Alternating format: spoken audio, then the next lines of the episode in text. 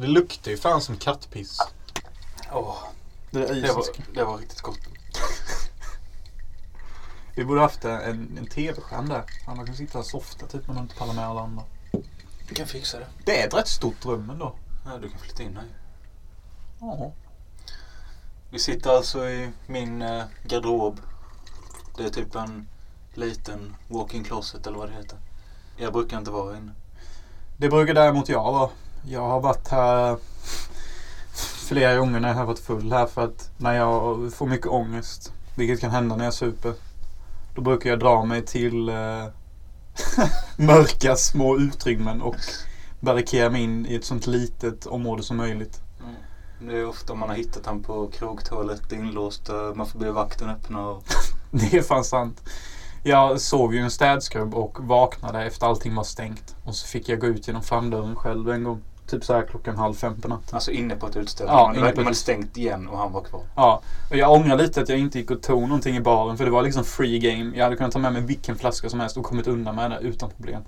Ja, ja, det var dåligt. Ja, det var dåligt men jag var mest chockad över att alla hade glömt bort mig där inne och att jag verkligen vaknade upp Ja, där. men det var, alltså hade du varit på en toa hade de plockat ut dig. Men nu var det en städskrubb Ja. lite längre in i lokalen, en förlängning av baren typ. Det är helt sjukt. Så jag kan ju egentligen göra om det igen. Och sen bara vänta till stängning och sen redeema myself by stealing som J&B and some rocks on the ice.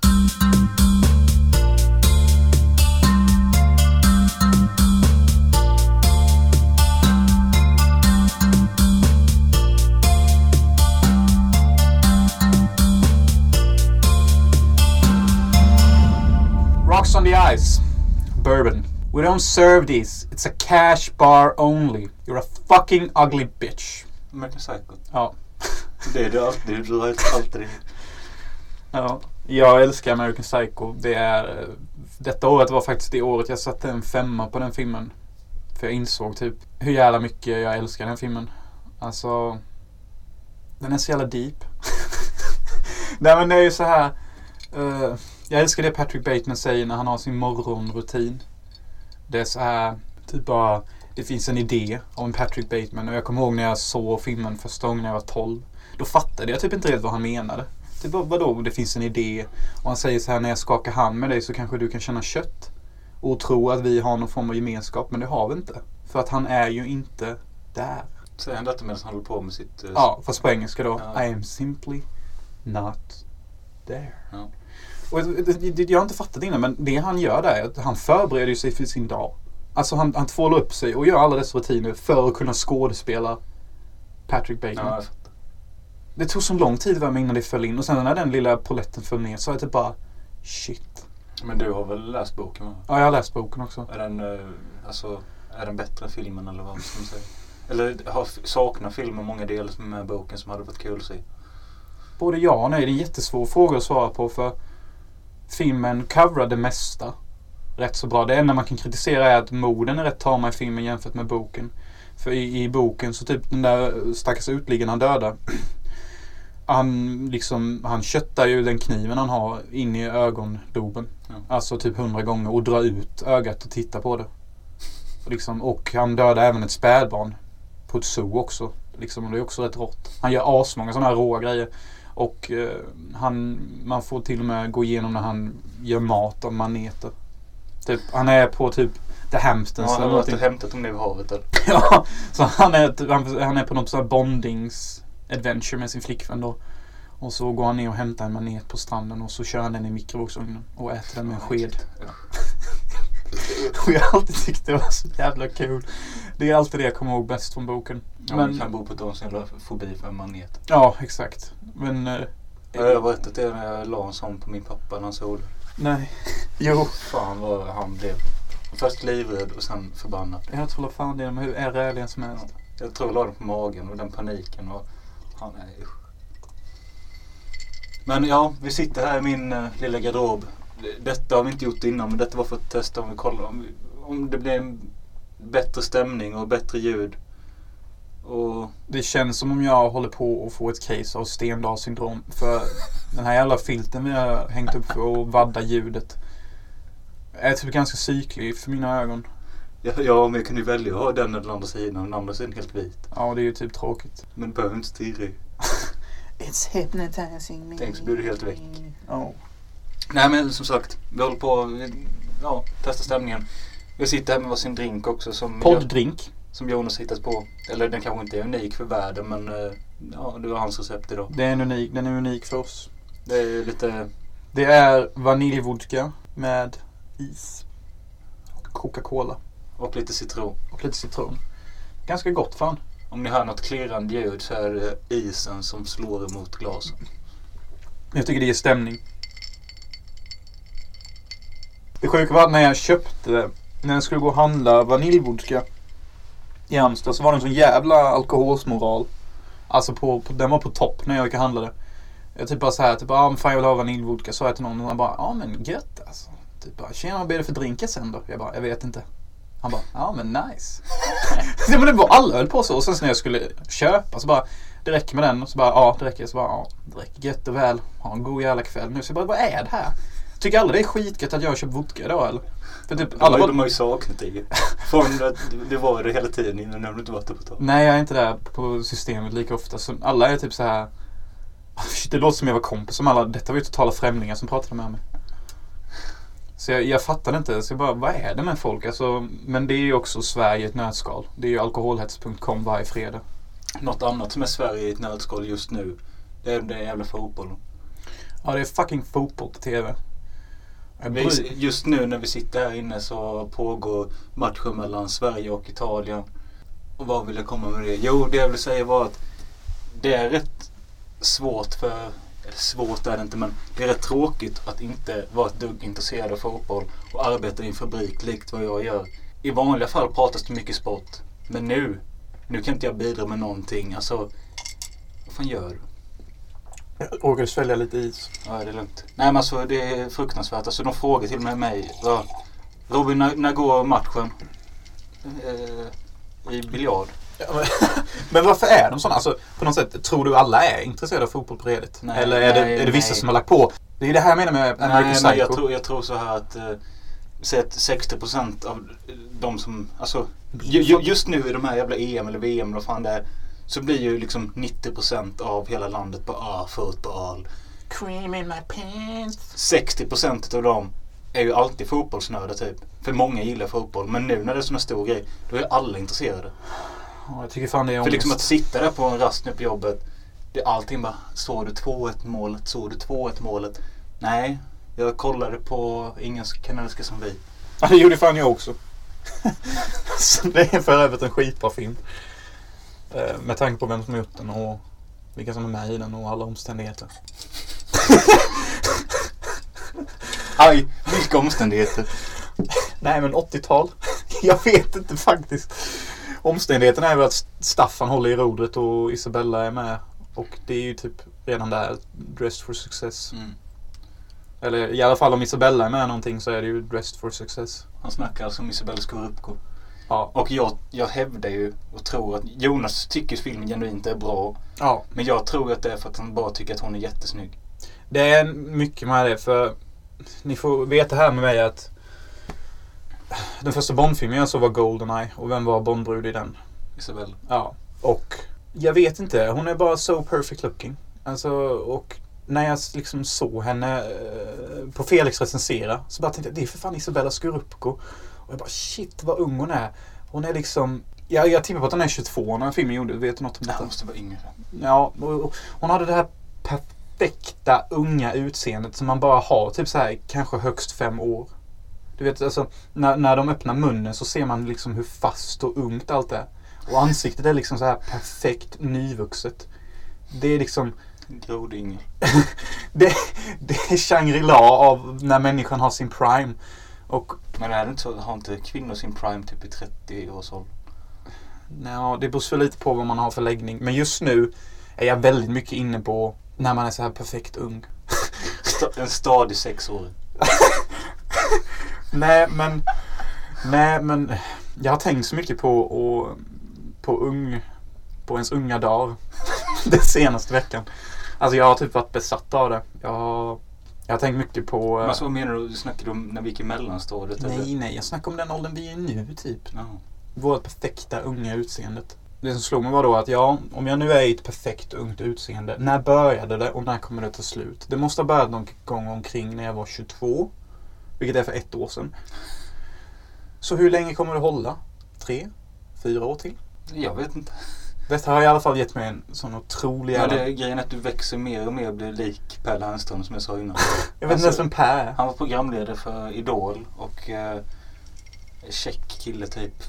ja, men du vet vem Per Lernström är. Eh, fan har han mer? Han har varit programledare för Sveriges yngsta mästerkock kanske eller något. Jaha. Ja, jag vet. Vi vad. borde göra det efter detta avsnitt att vi tar ett foto och sätter det jämte honom. Ja, det kan vi göra. Det gör vi. Det kan vara kul. Nej, men jag har haft typ asmycket dödsångest hela veckan. Alltså, jag har typ haft sån jävla åldersnoja. vad kul för då har vi båda haft det. Men kör du. Har du också haft det? Ja men askul. Nej men jag har haft asmycket dödsångest. Eh, jag har typ stressat hela dagar. Typ så här från det att jag vaknat tills jag gått och lagt mig. Vilket är helt otroligt för jag borde inte göra det med tanke på vad jag håller på med. Men jag gör det. Liksom jag är 23 nu. Och jag gick ut skolan för sex år sedan ungefär. Och jag har egentligen inte gjort så jävla mycket som har satt mig på kartan. Och jag börjar bli jävligt rädd att jag slösar bort min ungdom på massa strunt. Jag blir ju ständigt påmind om vad det är jag slösar bort min ungdom på. Och det har väl lite med den här jävla eh, systembolagshistorien. Typ, ah, ska du ut och festa? Gött med drinkar? Ah, fan vad nice. Du menar inte man spenderar... Ja men vad fan vadå? Du har varit och köpt en flaska vodka men nu sitter du ändå här och poddar. Du gör ju någonting ju. Jo, jo, jo. Men jag tänker det finns så mycket mer jag kunde göra. Alltså det finns så Jo, många jo, timmar av dagen som bara... Som man ödslar på skit. Ja, men typ bara Jonas, nu ligger du i princip bara i sängen. Res dig upp och gör någonting. Gå ut eh, och bara liksom kapitalisera typ. Alltså, jag vet att jag gör typ rätt asmycket för jag har både beställt kamera och jag har beställt karamellfärg. Och jag Ja, håller- precis, du arbetar ju för framtiden. Ja, jag gör grejer hela tiden varje dag. Men det bara känns som att jag hade kunnat göra så mycket mer. Ja men det är så jag tänker. Men alltså, det jag vill komma till och som jag har tänkt på det är att mitt liv inte har börjat än. Nej, Och det är det jag får sån jävla ångest över. För precis. snart ligger jag i en kista. Ja, och du är också 23. Nej, Mölle är faktiskt 24 så han är gamlingen av oss. Som ni vet. Det är jag som är ung.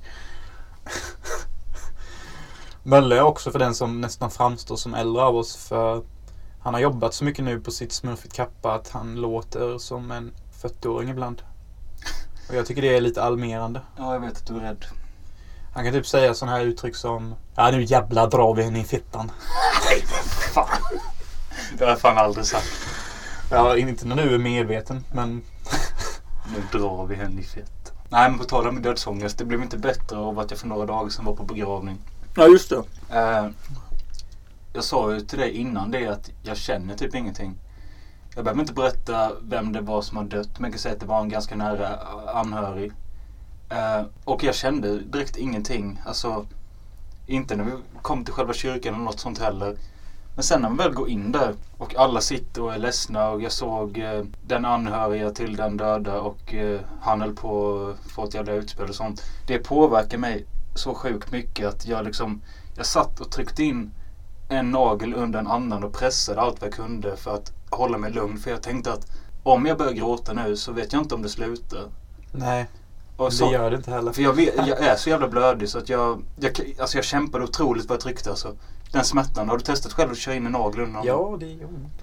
Ja. Men anledningen till att, till att jag tog upp detta det var också för att jag blev förbannad på upplägget av en begravning.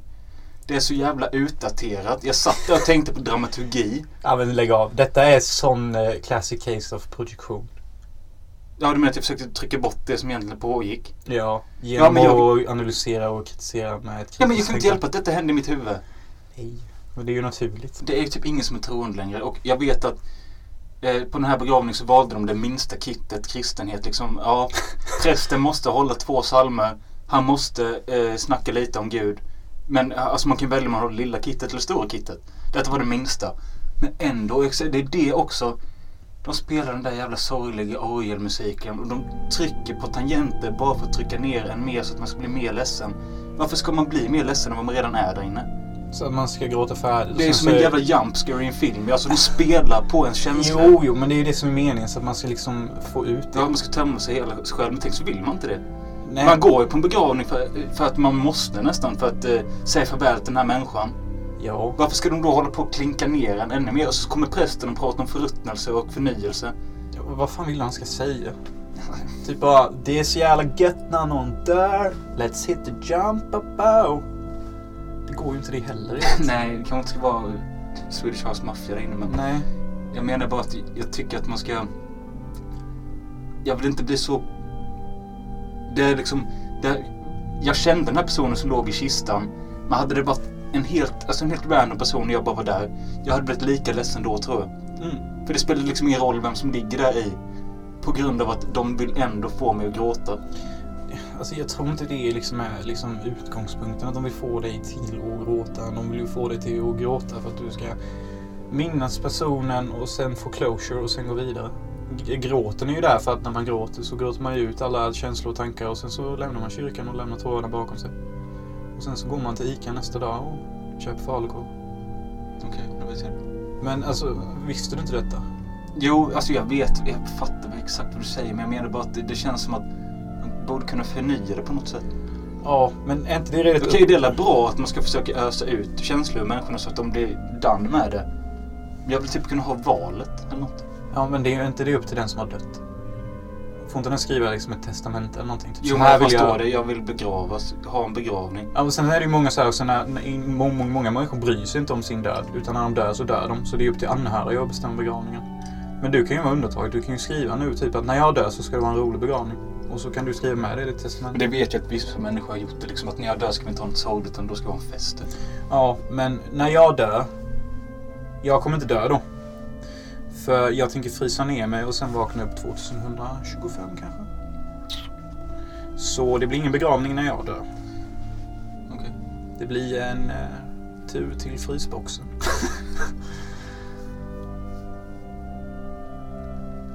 och nu har du dödsångest på grund av att du var på begravning. Nej, alltså den har jag ju till och från ändå. Fast jag inte riktigt är dödsångest. Eller mer typ en vardagsångest över att jag inte, som du sa, att jag inte gör mer än vad jag gör. Mm. Och jag tänker verkligen steppa upp gamet med vad jag håller på med. Visst, jag ska göra en långfilm och sån skit.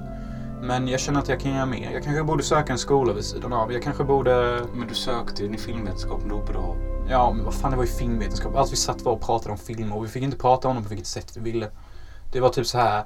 I den här klassen pratar vi faktiskt om eh, strunt och inte liksom objektiv och vinklar. Och jag bara, hmm, det är väl för fan allt. Ja, jag blev så förbannad. Jag menar liksom, en film är ju vinklarna och vad regissören har tänkt, inte massa annat existentiellt trams.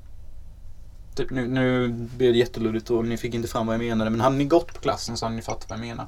Men det var ju kul i början.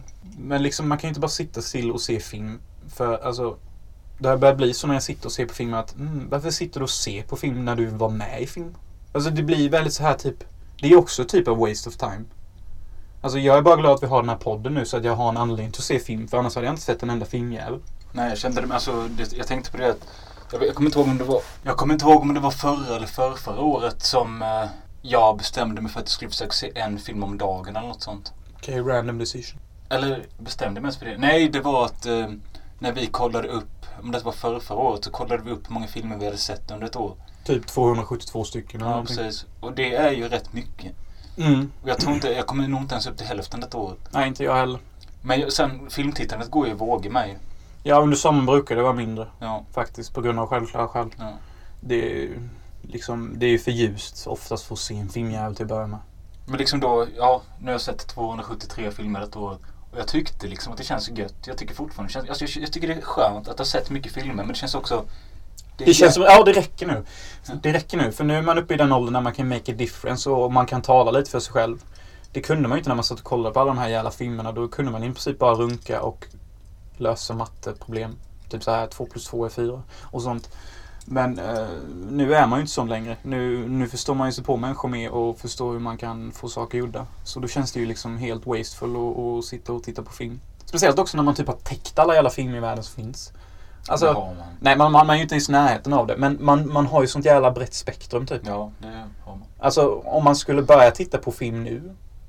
Och man tänker man har inte sett någonting innan. Alltså man skulle inte ens hinna med att se allt man har sett. Alltså bara det och liksom se så här 30 Giallo-filmer. Det är inte chans att jag skulle hinna nu. Nej. Det är liksom så här. Jag är bara glad att jag har tagit mig tid att se allt det. Och alla spagettivästen som jag har sett. Jag har typ sett så här 150 stycken. Liksom hade jag börjat med det nu, no way att jag hade orkat och letat så mycket för det. Mm. Jag vet inte, det är fucking varmt här inne. Ja, jag tror det är för vi har täckt för den där ventilationen. Jag tänkte för ventilationen, det är snart ett baksug och vi flyger in i kosmos. I en singularity. Ja, back to the future. Har du något mer du vill ta upp som... Vad har hänt i veckan? Ja. jag kan prata lite om, jag har ju börjat på nytt jobb. Ja, nytt och nytt. Hemtjänst i Halmstad liksom. Och det som är roligt är att det är typ massa i min ålder och sånt. Och de är unga och sånt. Men jag behöver inte gå in så mycket på det. Och det jag kan gå in på är att utanför hemtjänsten så är det typ som en djurgård. För det är typ en gräsplätt och så bor det en kaninfamilj där. Så de typ bor där bland alla gamlingar och alla som går förbi där och typ bryr sig inte så mycket om människorna. Och så finns det en anka där som också går runt där helt ensam. Som alla kallar fru Anka. Så de i hemtjänsten, de brukar ropa så här efter ankan. Typ bara, vad är fru Anka? Och kommer ankan så, och den ser lite rubbad ut så det är väl därför den är ensam. Och så kastar de ut bröd till honom. En- Men vadå, är de inspärrade eller? Nej, nej, alltså det är ju liksom en liten gård så. ja, och okej, men det är bara att djuren är där. Ja, djuren har valt att bo där, typ bland människorna och så är det liksom Men vadå, är kaninerna lösa med? Ja, ja, för fan. Alltså, det är ju liksom Men de vilken kan väl livrädda? Ja, vissa är livrädda. Det finns en liten kaninunge som har balls of steel. Som bara liksom sitter kvar när människor går förbi. Balls of Steel hade, var Per Landström också programledare för. Ball av stål. Men eh, ja, men fan det är härligt med lite djur. Ja, det är skithärligt. Men eh, det finns ju, the, the Circle of Life är ju faktiskt komplett här. För det finns ett rovdjur bland det här med som jag kallar predatorn. Och det är alltså en katt då. Och den hade tydligen lyckats fånga en kaninunge någon dag. Så det, det finns ju både kaniner, fru anka och så predatorn då. Och de lever liksom tillsammans i typ en area på typ två kilometer eller någonting. Och det är lite kul. Och de bara lever där mitt bland människorna. Men, men det är ju inte så konstigt heller för det är ju bara gamlingar som bor där och sånt. Så liksom de kommer ju liksom inte skrämma iväg djuren och det kommer ju ingen annan direkt göra så heller. Ja, det låter rätt mysigt. Ja, det är skitmysigt. Jag tänkte på det då när vi var ute i Halmstad sist. Kom du ihåg det? Jag har aldrig vetat om det att de har mitt i stan, alltså inburade katter. Det var ju fan fruktansvärt. Det kallas en kattfarm. Ja. Eh, Det man gör då är att man odlar katter. Och sen Men så... är, är det inte stray cats som de har stoppat in där? Nej, nej. Man odlar katter. Och så... de, de mådde ju inte bra ju. Nej, men det är inte meningen heller. Jag tänkte komma till varför. Man odlar katter då och sen så skickar man dem till eh, Japan eller något annat asiatland där det är okej att käka katter. Kan man sälja dem för ett skitbra pris för svenska katter är väl exklusiva eller någonting och det finns liksom marknad för det. Nej, jag bara hittar på. Men det kan vara sant. Okej. Ja men vad fan alltså, liksom det ser ut som de odlade katter ju. De satt ju där som höns typ och bara mjau, mjau, mjau. Och typ bara ja men snart blir ni mat till någon asiat. Om du undrar varför jag låter lite mer skärrad i rösten än vanligt så är det för att fortfarande dödsångesten är brutalt aktiv. Jag tror det är någonting på gång nu som stressar mig något otroligt. Och det är mycket av det som vi gick in på innan och jag skulle inte förvåna mig om jag gör något drastiskt snart. Eller så. Är du självmord? Nej, för fan. Det är inte min stil. Eh, så nej, det, det betyder inte självmord. För det, vadå? Jag har dödsångest. Varför ska jag då gå och ta självmord? Det make you no sense. Nej, jag vet. Men är är du en sån som tycker att självmord är fegt? Nej, jag, jag vill väl inte påstå att det är balls att ta självmord. Det är ju inte så att man är kingen. Men liksom. Nej men många säger så att det är så fegt livet av Ja, sig. men det är bara för att inte de vet vad de ska säga. Och det är liksom en etablerad klyscha folk tycker om. Jag tycker det bara det är... Vadå fegt? Alltså, om något så är det väl... Det kanske är lite modigt. Jag menar... Det är rätt fett. Eller ja, fett vill jag inte säga. Men det är väl typ... Det är väl ändå lite strångt att ta sitt liv. Alltså det är ju, det är ju ganska committed. Men grejen är att de som gör det mår ju så pass dåligt antagligen att då är det inte så svårt. Ja, men jag vet inte om jag kan säga att det är fegt. Vad, vadå fegt? Det är ju lite bas i det. Jag säger inte att det är fegt, men jag vet att folk säger. Ja men alltså, det är ingen som vet vad som händer när man dör. Liksom... ja men alltså de säger ju bara det för att de inte vet vad de ska säga. Och, och första sådana människor som säger sådana grejer, det är ofta sådana människor som mm, liksom är väldigt rena till själen. Typ, de dricker inte, de har kanske familj och barn liksom. De är liksom inne i den där vevan och då blir det att man blir en sån person. Jag har sett det hända förr och det kommer hända igen till massa andra människor. Men nej, alltså självmord kan väl vara en lösning. Alltså sug i livet, varför inte bara hänga sig i snaran? Alltså, liksom, alltså gör det för fan, jag skiter i. Men alltså såvida inte du är min polare och jag kanske gillar dig. Men liksom. Men alltså jag vill ju istället för att ta sitt liv. Alltså då hade jag ju hellre sagt så här, okej men istället för att ta ditt liv. kan du inte då liksom ta en jävligt lång semester in i djungeln och bli ihjälbiten av en orm istället? Liksom så att du... Men liksom, man gör någonting. man gör, alltså, man kan, man kan både ta sitt liv samtidigt som man gör någonting. Och om man överlever så får man ju bara göra någonting igen som kanske tar ens liv. Det är det jag menar. Jag tycker alltså, Men självmord, du, du menar typ att det är billigt. Nej. Billigt är det. Du menar att ska man göra, ta ett självmord så är det bättre typ att man hoppar bungee jump och ser om det går av först? Ja, alltså gör lite sådana grejer. Typ.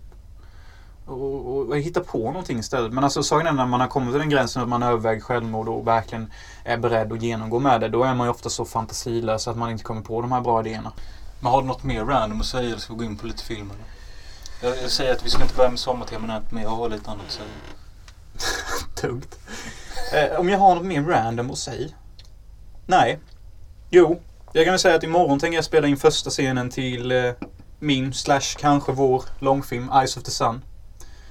Anledningen till att säga min slash vår är för att jag vet inte om mycket jag kommer kunna hjälpa till. Nej, och jag har i princip gjort allt manus, köpt all rekvisita och kameran är min och alla musik och skådisar är allt mitt bevåg.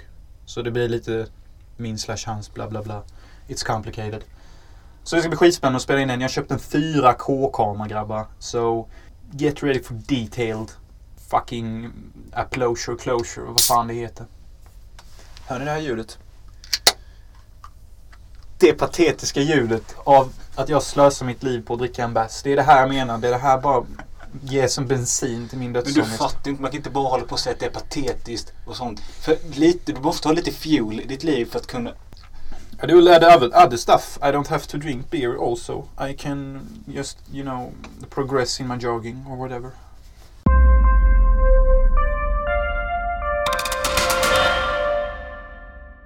Så nu har vi snackat Livet. livets skit.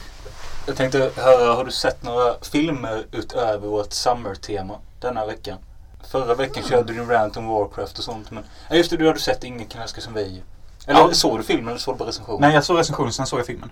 Mm. Eller jag stängde av recensionen för jag tyckte inte Felix recensera såg hur bra filmen var. Alltså för jag, jag tänkte när Felix recensera bara hackade sönder filmen. Men nu säger jag det igen, det tåls att tilläggas att Felix recenserar, där, alltså, han, han såg ju alla filmer, det finns inte någonting han hyllar i.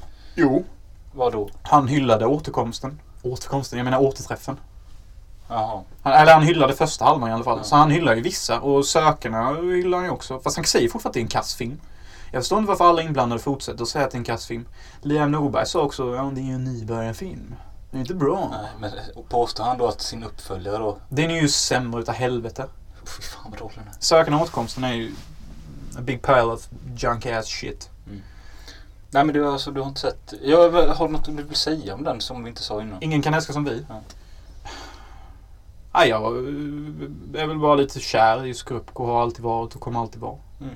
Och Du, du gav den en 3 av 5. Ja, jag funderade faktiskt på att ge den en fyra först. Det är helt fucked up.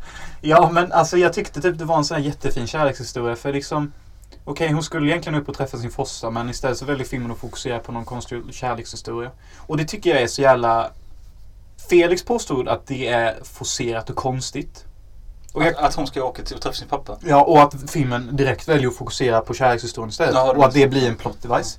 Jag tänker mer så här, hmm, nej, det är lite som livet är. Man planerar och väljer att göra en grej, men sen så kommer något annat som är mycket mer intressantare och så skiftar man fokus.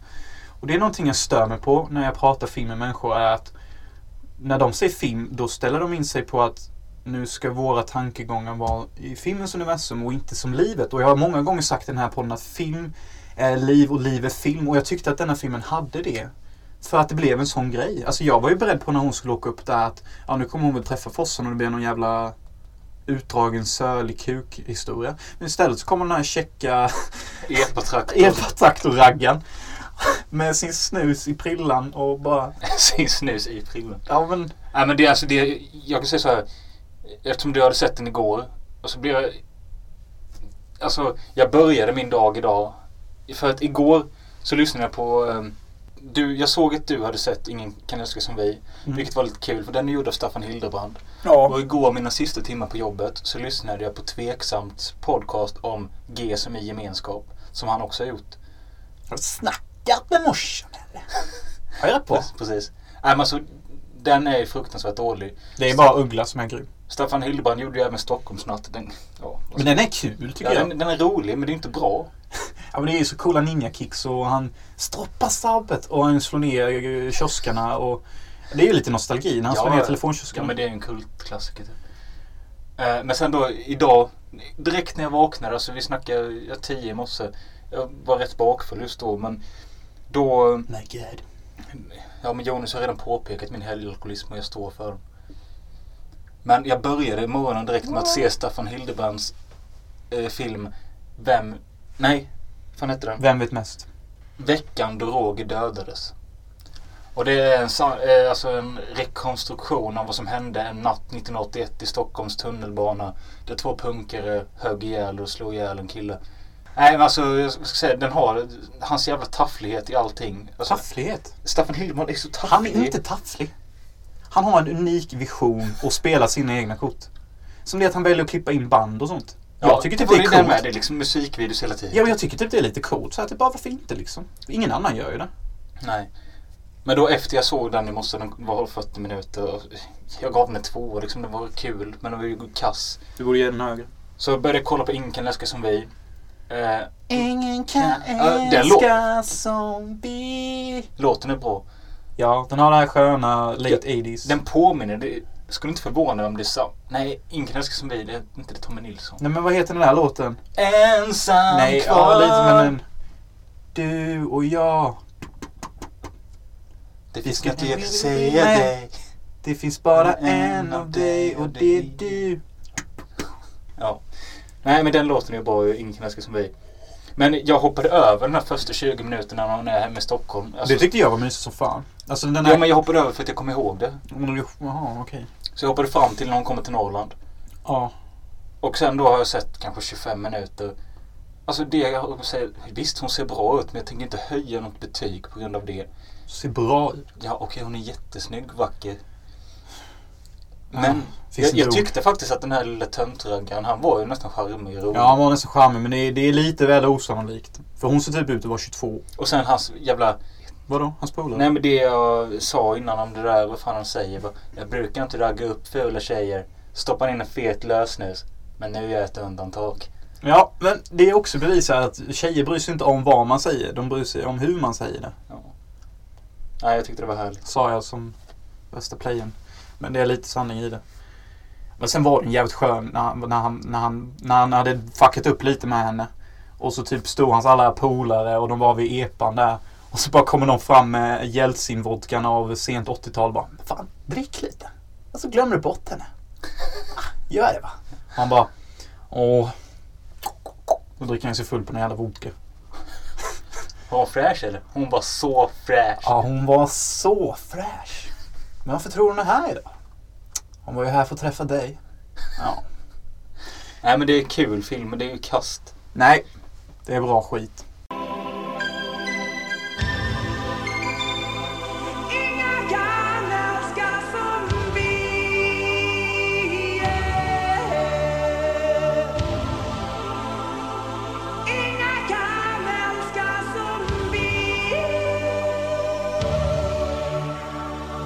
Jag har faktiskt eh, igår kväll, eller i natt, vid tvåtiden i natt. Jag var lite halvfull då, där bakfyllan idag. Men eh, då kollade jag på en kortfilm som heter To My Mother and Father. From another brother. Nej, To My Mother, Mother. To My Mother and Father. Eh, Jack Sparrow är min idol. och det är en kortfilm av eh, samma snubbe som gjorde Baskin. Som jag såg i avsnitt två. Alltså den var riktigt kass. Han, Ja. het, han heter Can Everroll. Eh, och eh, jag ska, tänker inte säga så mycket om det men den håller på i nio minuter. Gå in på Youtube, sök To My Mother and Father och se den. Jag rekommenderar den verkligen. Det var liksom nio minuters sjuk, lite surrealistisk, skum skräckfilm som faktiskt var obehaglig på riktigt. Och eh, lägg de nio minuterna på ett liv och se dem. Kanske, grabbar. Kanske. Alltså jag kan ibland höra på Mölle. Alltså även fast han låter engagerad och han tror att det är en bra film så kan jag någonstans känna att det är nog ingen bra film. Och jag fick den känslan här. Eh, Andras kommentarer. Helsjuk film, brutalt makaber och vansinnig. That's some very strong adjectives. Mm. And we here at Hanson Miller like our adjectives soft. We like playful. We like cute. Åh herregud vad kletigt. Det är ju varmt som fan inne. Ska vi bre- breaka Ta fem minuter break. Ja.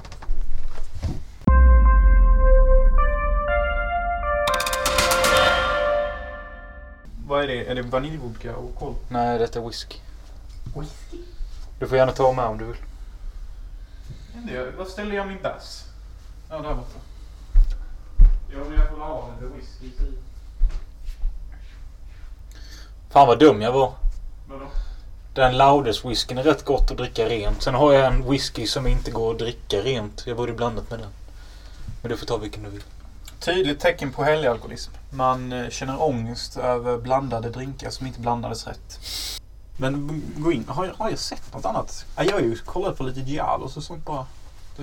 Då drar vi igång veckans tema som alltså var Summer. Eller filmer som innehåller ordet Summer. I sig ja. Ja. Och det gäller alternativa titlar också. ja, det sa vi i förra avsnittet då att det gäller inte alternativa titlar men vi körde över det lite. Alltså sa vi det i förra avsnittet? Ja. Varför sa vi det för?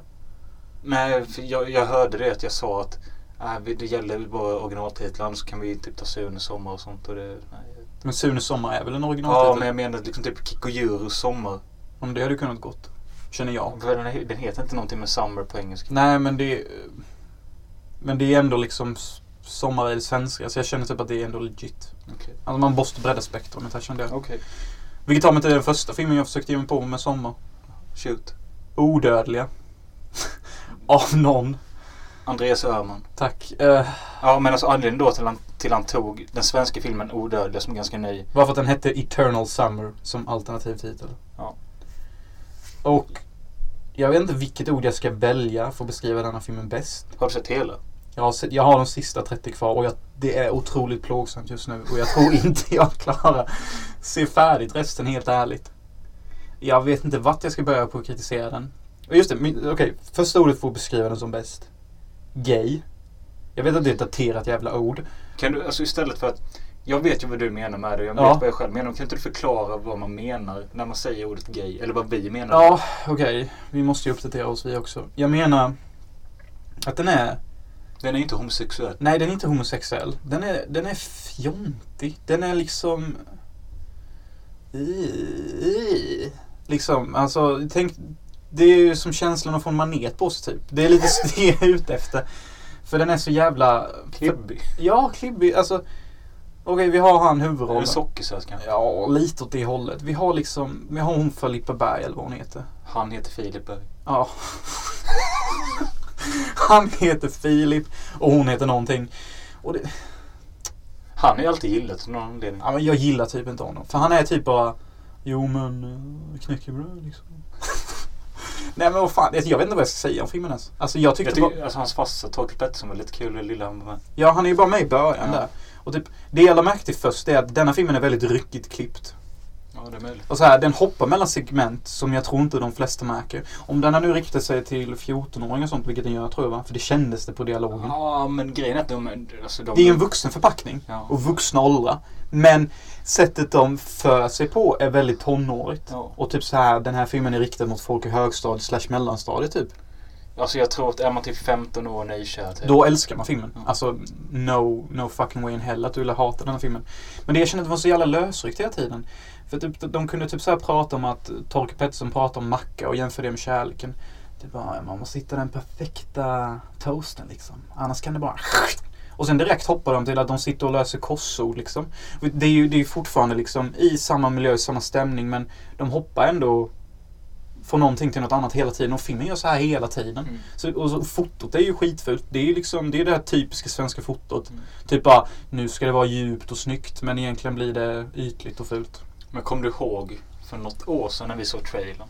Ja. Men då såg den lovande ut. Men det var ju väldigt bra trailerklipp. Och den var ju bra marknadsför. Mm. Man trodde Det var en verkligen... house-låt, typ Ja, bara... Man trodde ju verkligen att ja, men detta är fräscht. Det är liksom Bonnie and Clyde in Sweden. Mm. Det kommer vara lite vuxet och tufft. Och det kanske blir det i sista halvtimmen, jag vet inte. Men fram till dess så är det ju värsta barnsagan. Mm. Och jag fattar inte. Jag begriper inte på deras jävla kärlek. Det är alltid så i kärleksfilmer. Jag fattar inte. Nej.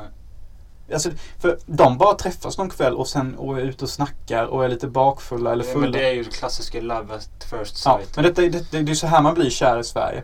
Detta är ju det svenska sättet. Man går inte på dejt och sån skit. Utan man hoppas. Vi lever efter någon slags random cirkel. Typ så här bara, ikväll ska jag ha utgång.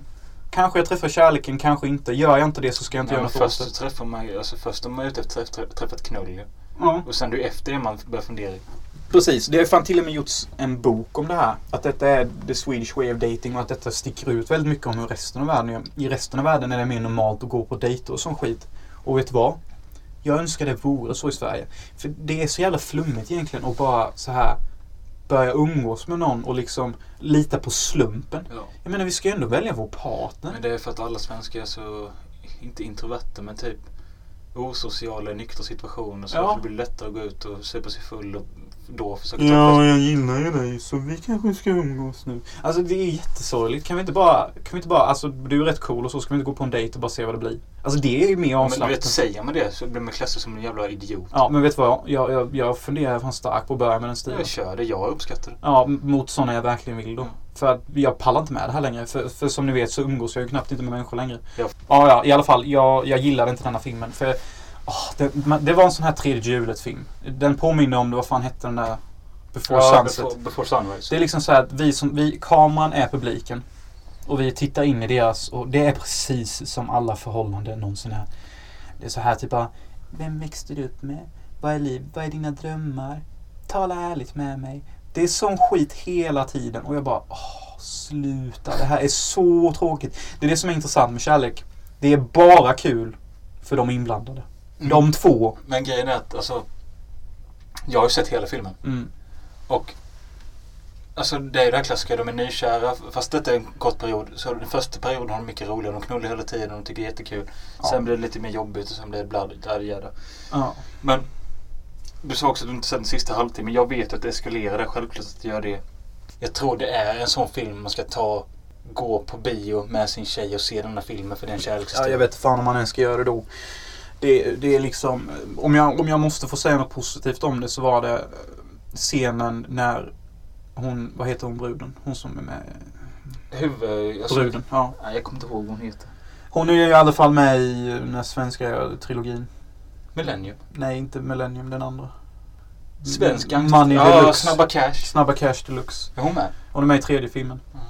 Och eh, eh, den scenen med henne när hon sitter med sina väninnor i en lägenhet. Det var bra. Det var en bra scen. Men är det inte något om att knarka? eller? Jo, de tar koks och hon sitter och har existentiell ångest medan de andra tar knark. Och det var första gången jag fick en inblick typ i hur svenska brudar är när de är ensamma. För det får man Jo men inte. det, nu när du säger det, det kommer jag ihåg att det var Och, uppfriskande. ja, nej, inte uppfriskande men det, jo, men det var så här också att som jag länge har gått och trott så är tjejer och killar exakt likadana. Och nu fick du svaret. eller? Ja, och det var inte långt ifrån. Jag tyckte typ att exakt den dialogen tjejerna hade med henne, typ bara Men det är nice. Du borde ta lite koks. Och typ hela den här jargongen är exakt som killar har det. Jag börjar tycka att det är tröttsamt nu för tiden när folk gör skillnad mellan kille och tjejer när de egentligen är exakt samma sak. Det enda som skiljer åt är väl kanske att de har mens. Jag tror inte på något som blöder aldrig dör. Vem säger det? Det är från, eh, vad heter det? South Park. Fast du sa det på svenska. Ja. Det lät som någon typ Nej, är- Stockholmsnatt 2. Ja men det är, kanske är Jag något. tror aldrig något som blöder och inte dör. Därför tänker jag leverera 3000 high kicks i ditt face. Nej men då odödlig, vad ska jag säga? Jag satte en tvåa på. Jag kommer sätta en etta om jag någonsin orkar se färdigt den, vilket inte kommer hända. Alltså jag tål inte såna här kärleksfilmer. Alltså jag tål inte det. Men vet du vilken film den är mer lik än Bonnie and Clyde? Eh, en film med Martin, Martin Sheen och Sissy Spacek från 1970 någonting. Badlands heter den. Ja, många skrev det i kommentarerna att den var lik den. Ja. Eh, den, det är ju typ, det är fan typ samma film, bara att den är fan bättre faktiskt. Mm. Jag gav den en tre. Så om ni funderar på att se Odödliga men se Badlands vid sidan om, fan ta Badlands. Okej, för att fortsätta lite på det här tredje hjulet typ av film. Vad du kallar det. Alltså, Ja, som jag, odödliga. tror att, jag tror att du tycker att typ alla kärleksfilmer om två personer är en tredje hjulet. Ja, men när det blir så här, när de börjar ha dialog som bara är intressant för de som är inblandade. Typ, tänk dig själv när man har... Ja, men det, det är så i alla filmer. Så det är meningen att du ska bli intresserad av det också. ju. Ja, men det blir så här, det blir så här, det blir så här väldigt uppenbart att om någon hade gått förbi och hört det, då hade de suckat eller typ spytt. Okej. Typ när sån dialog kommer in, då, då, då tycker jag det blir så här, typ, detta är inte film längre. Detta är typ en fantasi som någon äcklig, äcklig människa har. Om, och, och de som skriver sådana här filmer är oftast, jag, jag tror att inte de har upplevt kärlek. Men tror du efter det jag sagt nu att du kan, jag vet inte om du har tjuvkikat på min filmtips, men tror du, kan du gissa vilken film jag pratar om? Nej. 500 Days of Summer. Jag har ingen aning vad det är för film. Det är en film, en indiefilm tåls att tilläggas, tåls att tilläggas, från 2009 av Mark Webb. Som efter detta har gjort Amazing Spider-Man 1 och 2, vilket är helt sjukt. Mm, mm, mm, mm. Säger han. Han pratar om helgalkoholism, men hela munnen full av öl. Jag vet att Mark Webb har gjort Amazing 1 och 2. Okej. Den är med Zoe Rådjursögon de Chanel Ja. och Joseph Gordon-Levitt. Han med platt ansikte. ja, just det. Eh, har även en eh, Chloe Mortez, vet du om det är? Yes. Ja. She's a tight little hottie Ja. that just entered the adulthood. ja, jag tror eh, här, detta var 2009. Vad fan kan hon vara? Typ 10 år eller något. She Detta was något- still foxy. Jag tror det är något år innan Kick-Ass eller något sånt skit. Men i alla fall, jag, jag har aldrig sett den när jag så här liten i alla fall. Eh, den här filmen börjar med att en berättarröst säger This is a story about a boy who meets a girl but you should know that this is not a love story. Nej, okej. Eh, men det är fan precis vad det är ju. Är det det? Det är, ju- det är ju inget annat än det. Jag fattar inte varför de börjar så. Det var något jag inte greppade men det, så börjar det. Vadå, blir det en kärlekshistoria eller? Okej, filmen handlar om att eh, Joseph Gordon-Levitt, han tror på att man hittar den rätte och den lever man med resten av livet. Kallas svensk mentalitet. Så Deschanels karaktär är lite mer, jag vet inte vad jag vill. Okej. Eh, och eh, hon börjar jobba på hans jobb. Uh, Eh, och eh, hon flörtar väl med han lite. i- Nej, ja just det. Den här filmen är fylld. Eftersom det är en indiefilm så ska de... detta är helt sjukt, men jag tror inte jag fattar någonting. Om du försöker förklara filmen. Nej men alltså okej. vad, är- vad fan är det du inte fattar? Du bara, det här är helt sjukt. Den här filmen, det är inte en kärleksfilm. Men det är det. Så jag bara, okej. Alltså vad är 500 Days of Summer? Är det en thriller då eller? Det är en... Det är den klassiska... Men vad är första scenen typ? Alltså, vad är första, vad är, hur är första scenen mellan dem? Första scenen. Mellan dem?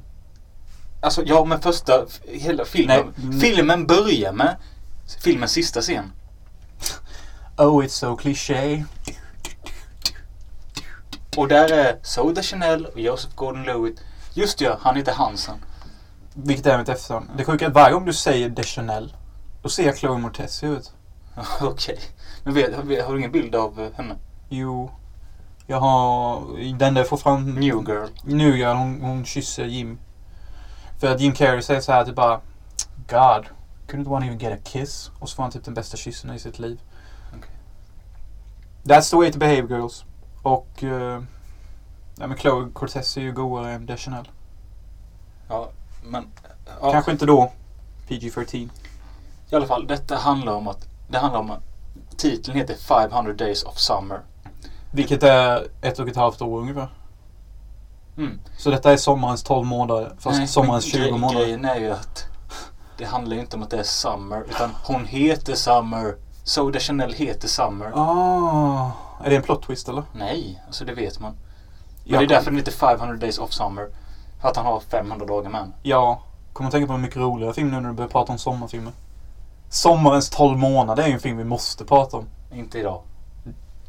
Okej sen. Lite. Okej Lite. Okej, okej, okej. Men i alla fall, de möts och det, det handlar om deras 500 dagar ihop. Ja.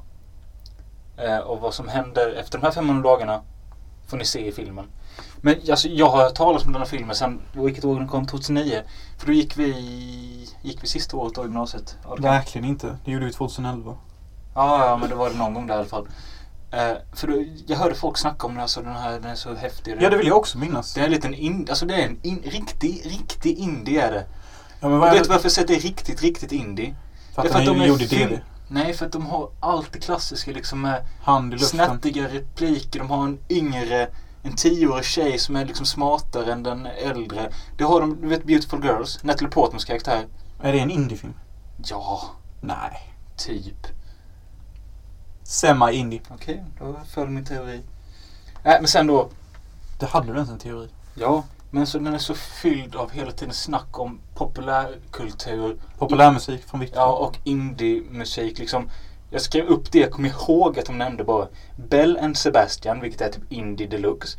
De pratar om filmen The Graduate, de pratar om Sid and Nancy, de pratar om The Smith och de spelar upp låten There's a light that never goes out, vilket är en riktigt bra låt. De pratar om Bruce Springsteen, de pratar om Knight Rider, de pratar om Ringo Starr i Beatles. De spelar fransk musik. Alltså det, Shit. Det är ju indie deluxe. ja men det är det. Alltså det var allt, alltså, inte för att jag har sett så många indiefilmer att de täcker dessa ämnen, men det kändes bara här har du punkter du bör ta med om du vill att din film ska verka med indie. Ja. Eh, och eh, jag, jag, jag gillar sånt lite, liksom när man snackar om liksom, musik och film i film. Ja, Men det är bara att när det just är så det är in your face, att de verkligen be, typ betonar Ringo Starr. Alltså liksom de vill slänga i ansiktet att vi känner till de här mer, okej nu tänkte jag säga att Ringo Starr är uppskriven, han är fan trummis världens största band. Men de vill liksom prata om det. Ja, ja, jag fattar. Ja. Men jag tycker inte det här verkar som en bra film. Alltså. Nej men jag var taggad på den här aslänge. Men alltså, vad är det för- taggad, nej, jag har inte varit taggad på den aslänge, i så fall hade jag sett den för länge sedan. Men att jag trodde den skulle faktiskt bidra att vara en skön kärleksfilm i den här indievärlden. Before Sunrise, som jag, vi ska inte prata om den, men det är också en indiefilm. Men det den har är att den har en välskriven dialog. Ja. Jo, det har den. Det får jag väl ge den. Grejen var att det här är sjukt. Jag kom inte in i filmen. Alltså det, det finns ingenting som suger mig in. Jag tänkte alltså Zoe Deschanel är attraktiv och Joseph Gordon-Levitt har jag alltid tyckt var helt okej. Yeah, it's pretty hot. Jag kommer inte in i dig. Jag kommer inte in i dig. Jag kommer inte in i den. Nej, men detta är inte Poltergeist heller. Så. Det tog mig sex gånger att se den. Jag fick se den i sex olika omgångar. Det är inte ens i närheten av vad det tar för mig. Nej. Och den är 90 minuter lång. Och alltså, jag trodde att den skulle sticka ut. Ja, men, Men varför, ju- trott, varför har du trott så mycket? Den är ju inte udda. Varför har du trott så mycket? Den är inte speciell. Förutom Du har gjort en sån i här... det estetiska. Alltså, han, regissör Mark Webb, man märker, att, man märker att han vill testa grejer. Alltså, han, vill, han vill leka med liksom, filmmediet. Han klipper liksom in när det är något... Eh, ja, Saudi Chanel är ledsen. Då får man se det liksom i en Super 8 eh, svartvit, ser ut som någon nya vågen-grej. Det är fina närbilder på är Hon tittar coolt. upp i luften och sån grej. Så blir det likadant med han sen han går runt i en hatt där på Frankrikes gator typ och deppig röker en cigg typ. Det är väl lite coolt. Men det är också Och lite... jag, alltså jag, jag uppskattar att han försöker göra sånt här. Men det är bara att jag, jag tycker inte det funkar. Det blir liksom för kletigt allting. Kreativt. Inte kletigt men det känns som att det blir liksom lite för mycket. Ja. Och det jag reagerade på mest var att när de för första gången i filmen har legat med varandra. Då är han överlycklig. Och då kommer det Jag kommer inte ihåg vilken låt det är men det är så I'm walking on sunshine wow. Och då springer Den är ju med typ i varje film som Ja, någonsin gjorts. Men nu är det inte låten, den är liknande. Den är med i American Psycho by the way. Ja, det är den. Vilket många tycker är av någon anledning det bästa användandet av den låten någonsin. Men grejen är att när, först när den låten börjar han springa ut och är jättelycklig för att nu har han knullat henne. Så har jag aldrig känt. Nej, Vill jag lägga till. inte jag heller. Men, och det blir ju bara värre. För då bara helt plötsligt exploderar filmen. Det följer efter folk, kommer, det blir ett dansmontage på gatan. De sjunger. Och alltså det blir värre. Det kommer in animerade fåglar som sätter sig på hans axlar och sjunger. påminner om den här scenen i Hot Rod typ. När de går ner för gatan och alla bara Liksom han ska gå och Ja göra precis, slutliga stuntet. Ja, Ja just det. precis. Och det här scenen slutar med att han tittar in och ser en spegelreflektion i en bildörr. Mm. Och då speglas det så att han ser sig själv som Hans Solo. Nej men vad fan. Vad fan har han solo med det här att göra? Jag kollar mina anteckningar här nu och då har jag skrivit så här. Jag tappar intresset snabbt för deras relation då jag vet hur det kommer ältas. Kan inte säga att jag vet hur det kommer sluta, men hur det kommer ältas. Och det gör det med. Alltså det är liksom... Hon kan inte bestämma sig att... Eh, Hon vet inte om hon vill ha hans kuk. Nej men alltså hon, jag vet inte om jag är redan för relation men vi kan ju hänga som kompisar och ligga ibland typ. Det låter rätt soft ändå. Jo men han bara, men you're the one och du älskar mig och vi hänger hela tiden och sånt. Och hon bara, nej Chilla Josef. jag orkar inte ha en relation. Och han super och sjunger på en karaokeklubb och sen så kommer Spiderman 3 eller? sen kommer hon tillbaka och sen så ältas det igen. Och det är samma jävla tugg vi har hört i filmer sedan 40-talet. Nej, det är inte klar med kärleksfilmer heller när de tar denna svängen. En annan sak jag reagerar på. Penisleken. Penisleken. Detta, ja, alltså tydligen är detta något man gör när man är nykär med sin tjej eller något. Det finns samma, exakt samma scen finns med i Take Me Home Tonight. Det är en, en kille och en tjej som börjat fa- eh, falla för varandra. De ska ställa sig på ett pinsamt ställe, typ en restaurang. Och så tävlar de om vem som vågar säga ord, ordet penis högst. Jaha, den här gamla leken. Jag tänker alla lekar med det. Men... Det är det sämsta med Take Me Home Tonight, att de har med det. Har de det? Ja, de står på en balkong. Penis, penis, penis. Penis! Ja, precis. Och det finns två gånger det med detta. Jag blev förbannad. Jag förstår det. Det. Detta är under din värdighet, Deschanel. Josef, jag kan förstå att du gör det här, men inte dig. I slutet av filmen är jag så trött på båda. Men jag tycker ändå att dialogen på parkbänken är rätt bra. Även om man vill döda dem båda. Captain's log. The angst is hard. 350 days into the abyss. And I can no longer stand this movie. Sen jag tänker inte, för jag har märkt att vi spoilar väldigt mycket filmer för sluta med det. Men jag skrev Detta är spoilerpodden. Nej, vi, för det blir inte populärt. Folk kommer inte lyssna på sånt. De är rädda då ju. Ja men alltså, hur ska vi kunna prata om filmer på ett djupt och... Man behöver ju inte alltid avsluta, sl- avslöja slutet och sånt. Nej, det, nej, det är sant. Jag har bara skrivit så här att slutet var ju fan nästan väntat. Spoilers, vad hände? Det blir ingenting mellan han och Des- Deschanel. Eh, så han sitter på ett, mm, en jobbintervju. Och då träffar han en tjej där som börjar flötta lite. Oh. Och de presenterar sig. Och vad heter hon då om inte Atom? Jag höll på att säga det igen. Gay. Men det är, där har vi tydligen på gay. Alltså, saken är när jag använder ordet gay, det är för att jag inte vet något annat som kan fylla tomrummet av känslor perfekt, förutom just det ordet. Det är ett så starkt ord från min barndom som bara fyller alla de här tomrummen när sådana så här grejer kommer upp. Ni kommer hänga med så småningom. Vi, kan, vi kanske kan hitta på någon lek i framtiden. Typ, är detta gay eller inte? Och så får folk så här lista ut. Ja, jag vet inte. Slutligen kan jag säga att jag gav den en tvåa av fem. Hur Du- somrig kändes den här filmen från en skala Just det, till fan det var det vi skulle göra. Ja, men vi har ju inte pratat om mer film. Okej, jag kan säga Eternal Summer, Alltså odödliga. ja, Odödliga. Sommarkänslan på Vi, den. säger, vi, kör en känsla, vi kör en skala på 3 till 5 där med. Mm, 35. Sommarkänslan i Odödliga. Fan. Tre. Alltså, sommaren var med, närvarande. det är en 3 typ. För det Ja. är ganska så. Ja, sommaren är närvarande. De är på Liseberg. De är ute och super på natten men ser inte ut att frysa. Det är ett tydligt tecken på att det är sommar. För de, det är Grönlund. ja, för de sitter utomhus och dricker. Och är det inte kallt, då, då är det bra sommarkänsla. Uh, 500 Days of Summer i sommarkänsla. Två. 1,5 Men av tjena. 5. För det är liksom inte, nej. Ingen märkbar Nej, sommarkänsla. det märks som. Jag tänkte att nu går vi över till en film jag tror många har sett. I alla fall om man har sett film så har man ju sett den. Kom 1997. Med Jennifer Love, Huge Tits, som de säger i Scary Movie, vilket jag tycker är jättekul. Alltså det är väl så här lagom kul för hon har ju big tits och det vet alla i hela världen. Jag visste inte det. Han bara fan. Jennifer Love Hewitt snackar vi om. Har Den, du inte sett eh, den här jävla tv-serien som gick under 2000-talet? Angel? Nej, det är inte hon. Nej. Nej, det är Jennifer Garner. Jag vet inte vad den hette men alltså det vet väl alla att Jennifer Love Huge Tits har huge tits. Okej. Eh, vem är det mer vi har? Sarah Michelle Gellar.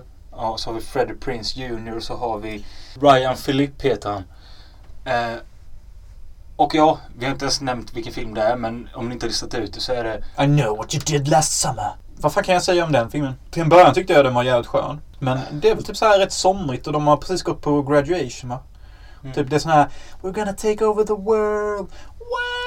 Och typ sådana grejer. Och det är så jävla kul med Sarah Michelle Gellar för hon liksom om ni visste innan att jag var in love med Isabella Scorupco så är ju Sarah Michelle Gellar a.k.a. Buffy the Vampire Slayer the ultimate the ultimate puberty enhancer of my life typ. Ja, hon... eh, Ja, jag fattar. När Buffy gick på TV på fyran. Ja, alltså jag joggade i princip hem varje dag efter skolan för att hinna se detta. Och jag kollade säkert på det i flera år typ. Jag har säkert sett nästan alla säsonger när det gick på TV. Ja, det var bra. Jag tyckte det var skitbra. Alltså det var ju inte bara hennes look som gjorde det utan det var ju typ Hennes kicks också. Ja. Och storyn och den här läraren. Mm. Guys, eller vad hette den? Giles, ja. Guys. Och, och introt bara... Dun, dun, dun.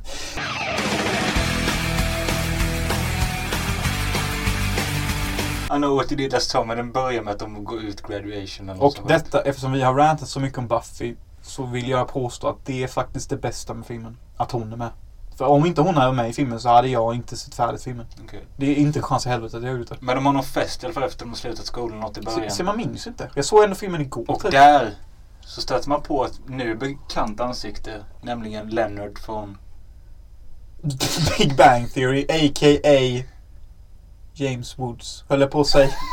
Men jag menar ju han som gjorde den senaste Star Wars. J.J. Abrams. Ja, de är rätt lika. Jag tycker de är skitlika. Ja. Alltså jag tycker typ det är så här. alltså, alltså han i Big... James Woods. Ja men han i Big Bang Theory hade kunnat vara hans lillebror. JJ's lillebror. Ja, faktiskt. Ja, det var, jag tyck- tyckte det var skitkul att se han där. Ja det är ju askul men det är ju det är också så här skitkul med så här gamla Men direkt, skitkassa filmer. ja, men det jag känner nu, när, alltså direkt när jag kollar på den. Den har ju det här som jag såg att någon skrev. Den har en skön udd. Nej men jag såg att någon skrev filmtips. Ljuva 90-tal. Ja, Jag tyckte inte den var så nidies Alltså? faktiskt. Alltså, jag kände inte att det var en nidies film per se. Nej, det kanske mer beror på de här skådisarna och Ja, sånt. det- det- Skådisarna är väldigt nidies. Det är ultimate nidies. Men liksom inte i redigering och filmteknik. Det är väldigt så här, är detta 2005? Det hade lika väl kunnat vara gjort 2005. Ja. För det är liksom inga så här snabba flashes. Nej. Det är inga uppspeedade klipp. Det är inga så här speciella vinklar som Blade har exempelvis. Det är inte så här musikvideoredigering egentligen. Så jag vill inte påstå Nej, det att det är på grund av skådisarna. Det är skådisarna definitivt. De är ultimate nidies cast. För det blir inte mer nidies än Sarah Michelle Gellar. Nej. Alltså, Cruel Intentions liksom. Jag tänkte nämna den sen, vi kan lika ta det nu. Cruel Intentions gjordes ju antingen samma år eller två år efter. Och där Sarah Michelle Gellar och Ryan Phillippe spelar ju ett par i denna. Och i Cruel Intentions spelar de bror och syster. Ja, det gör de det är lite kul. Det är sant. Fan, är han hetsig den med? Han är lite hetsig. För han är ju jävligt hetsig i No What You Did Last Summer. Du vet i denna då, Know What You Did Last Summer. Alltså helvete sikt as han är. Han är så jävla skön. Jag satt och tänkte när jag såg filmen typ bara, han är ju jävligt hetsig och ska slå alla men Men det är lite du- därför man gillar honom. Alltså jag skrattade när jag såg det. Alltså när jag såg filmen så tänkte jag mer på Scary Movie än jag tänkte på denna film jag såg. Ja, det gjorde Just nästan för parodin på den karaktären i Scary Movie. Det är ju fan inte så långt ifrån bara det. Alltså, när han, han skriker så bara We take this to our grave you know. Så, så tar han den, så lyfter han och knäcker ryggen på honom. I Scary Movie. Det är därför jag älskar Scary Movie. Jag älskar det här over top humorn. Scary Movie drar ett steg längre.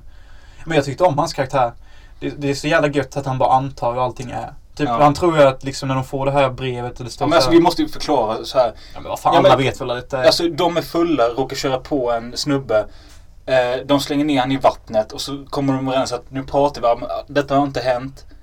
Eh, sen ta, går det ett år. Då börjar det dyka upp mystiska meddelanden där det står I know what you did last summer. Denna handlingen känner ju alla till. Det är inte säkert att alla gör det. Jag tror För du vet, du vet, vi är några år äldre än vissa som lyssnar kanske. Ooh. Nej, men jag, jag menar bara att de som vuxit upp och är 12 år när Paranormal Activity kommer, de skiter väl fan i detta. De Mm. skiter i vår podd med. skiter i oss. Nej, men jag tyckte om hans karaktär som fan. när hon, en, när Love You-tit berättar om att hon har fått det här. Han, han får ju psykbryt den här killen och bara går direkt till Sheldon vid det, fiskfabrik. inte- det, är, det är inte Sheldon utan det är den andra. Det är Leonard. Leonard. Men vi säger Leonard. Vi, vi kommer säga, han går direkt till Leonard och typ bara pucklar upp på honom.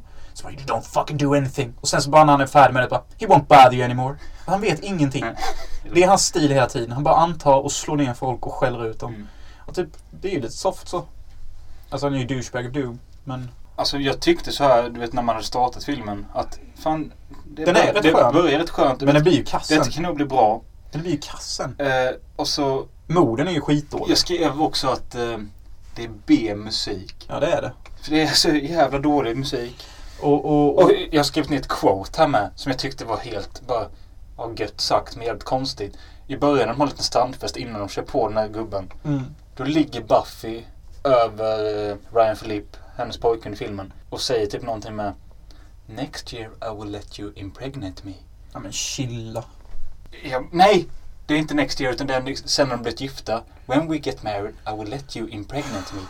Jag får mardrömmar. Och jag bara, vem fan säger så? Ja, det tar mig tillbaka till en film vi pratade om innan. Det var faktiskt någon grej som var bra med Odödliga. Om vi bara hoppar direkt lite snabbt till den. Han, han ligger med någon brud han raggar upp från sin arbetsplats. Huvudkillen. Jag tror hon var med i Andra Avenyn. Hon var prästens dotter. Speak again. Speak again. Men det jag gillade där med Odödliga var att vi fick faktiskt se hur det kan kännas för en kille När en tjej är på en väldigt mycket och man tycker att tjejen är le- le- le- läbbig typ. Jaha, ja. För, för ofta så är det i filmer att vi får alltid se hur tjejen upplever Ja, det när en kille de- är slemmig och jobbig. Men vi får aldrig se andra sidan Nej, av det. Och Odödliga tog fram det. Och så, Ja, för hon är typ såhär bara, men ska vi inte träffas sen efter jobbet? Och, och, och hon var såhär jätteläskig. Och man bara ja just det, det kommer jag ihåg. och man bara såg ja, hon är med han där. Ja, precis. Man bara såg på honom hur han äcklades. Ändå så går han och ligger med henne. Typiskt män. Men och sen så när de ligger där och kelar i sängen. Hon bara, hur många barn vill du ha? Tänk om vi skulle ta och gifta oss nu. Och det, jag får extrem ångest för jag har typ varit med om det här exakt. Så jag känner ju typ att detta är så jävla spot on. Och där vill jag ändå belysa lite att Odödliga var jävligt bra. Vilket är sjukt. ja, okej. Men alltså just där var den jävligt bra. För att just där var den liksom äkta och Ja, real. Typ, det var någonting och som... man, man typ inte fått se, se det innan. Nej precis, det var någonting som var någonting. Mm. Det andra var ju bara massa trams. Mm. Men tillbaka till den här jävla I know what you did last summer. Mm. B-musik, B-skådis. Alltså, jag skrev, det tar 38 minuter in i filmen innan första mordet sker. Vilket inte gör någonting tycker jag. Och det, det första mordet som vet, sker, jo, det är ju också det bästa. Det är det enda det händer något. Ja, det är exakt. Det var ju det, jag menar. Det är ju han Leonard då. Ja, Leonard dör, vilket är synd. Jag tyckte det var synd när han dog, för jag tänkte så här, ja nu dog den bästa i filmen. Mm. Är inte han scen så jävla god där? Han ju med Jennifer Love Ja. Justice va? Bara, perhaps we could go on the boat, you know, bon voyage. Och hon bara, Leonard. Det var rätt gött så. Mm. Men han var rätt charmig i filmen. Ja. Men du vet, jag, det du säger med att eh, jag har typ ingen relation till Jennifer Love Hewitt eh, förutom i de här då. Men jag kommer ihåg tv-serien. Alltså jag gillar henne. Hon är väldigt Hon är så, hon så, så typiskt utseende för den rollen hon, hon gör. Det som ger mig otroligt mycket ångest är att när hon gjorde den här filmen då är hon också i det här perfekta, ultimata, unga utseendet Ja. jag är besatt av just nu. Jag såg en intervju med henne modern nu för jag är intresserad av den. Du har rätt. Det är någonting med de här jävla åren typ. Mellan 20 och 25 Ja. ungefär. Och all, allting är så fast, men det är också lite vått. Man, man ser på när de öppnar munnarna så är liksom läpparna perfekt så här Glans. slemmiga och glänsiga. Och hyn är alldeles... Och kroppsformen och attityden, allting är rakt och erekt. Det är liksom så här. Det är bara någonting jag tycker vi alla ska försöka kapitalisera på. Och, Men vadå, vad fan betyder det? Ligg med dem medan de är mellan 20 och nej, 25? jag menar inte sexuellt. Jag menar att om ni är vacker och snygg och förstår vad jag säger när jag menar att man ser skitbra ut under en viss tid av sitt liv. Ställ er då framför en kamera eller någonting och liksom fånga dessa ögonblick. För sen kommer ni inte kunna göra det. Det är så ont när du säger så. Exakt. Det är den här ångesten jag lever med dagligen och det är därför jag är så himla stressad och ska göra en långfilm nu. För att jag ska kapitalisera på mitt egna utseende. Jennifer Love Hewitts kille i den filmen är ju eh, Freddie Prinze Jr. Hans karriär, vart tog den vägen? Men det är han som är typ helt så här. Alltså, jag, jag, gå jag, jag skrev så här. Freddie Prinze Jr. ser förvånad slash dum ut hela tiden. Ja. Ja, det är ju därför man gillar han den andra. För han är ju mer så här handlingskraftig. Ja. Typ, ja nu går vi bränk i Han det är en liket. karaktär. Vadå han är en karaktär? Han, men alltså, han har ju något attribut. Det, Freddie Prinze Jr. Vad har han? Fan, jag hänger inte med dessa namn. Kan vi inte bara kalla dem blond och svarthårig? Ja men en svarthårig, vad har han för... Alltså han är bara helt... Han ser helt väck ut hela tiden ju. Han är nog mest där för att liksom sö söta, rädda tjejer ska kunna han, ha han om. ju, alltså du vet, jag tycker att Jennifer Love Hewitt, Sarah Michelle Gellar, Ryan Philippe, det hände lite med deras karriär efter detta. Freddie Prinze Jr fick en film, det är She's All That. Men alltså han kan ju enbart, säger jag, jag vet inte, blivit ut, eh, vad heter det, anställd på grund av sitt utseende. Han är en snygg kille. Tycker du han är snygg? Det är det sjukaste jag har hört. Han, ser, Han är väl inte snygg? Han ser väl bra ut? Han ser ju fan tappad bakom en vagn ut. Nej det gör han inte. Okej, han, ser, han ser ut som en snygg unge som blir tappad bakom en vagn. Okej, jag så kan jag säga. Men jag tror alltså, för han är den sämsta skådisen i hela filmen. Ja.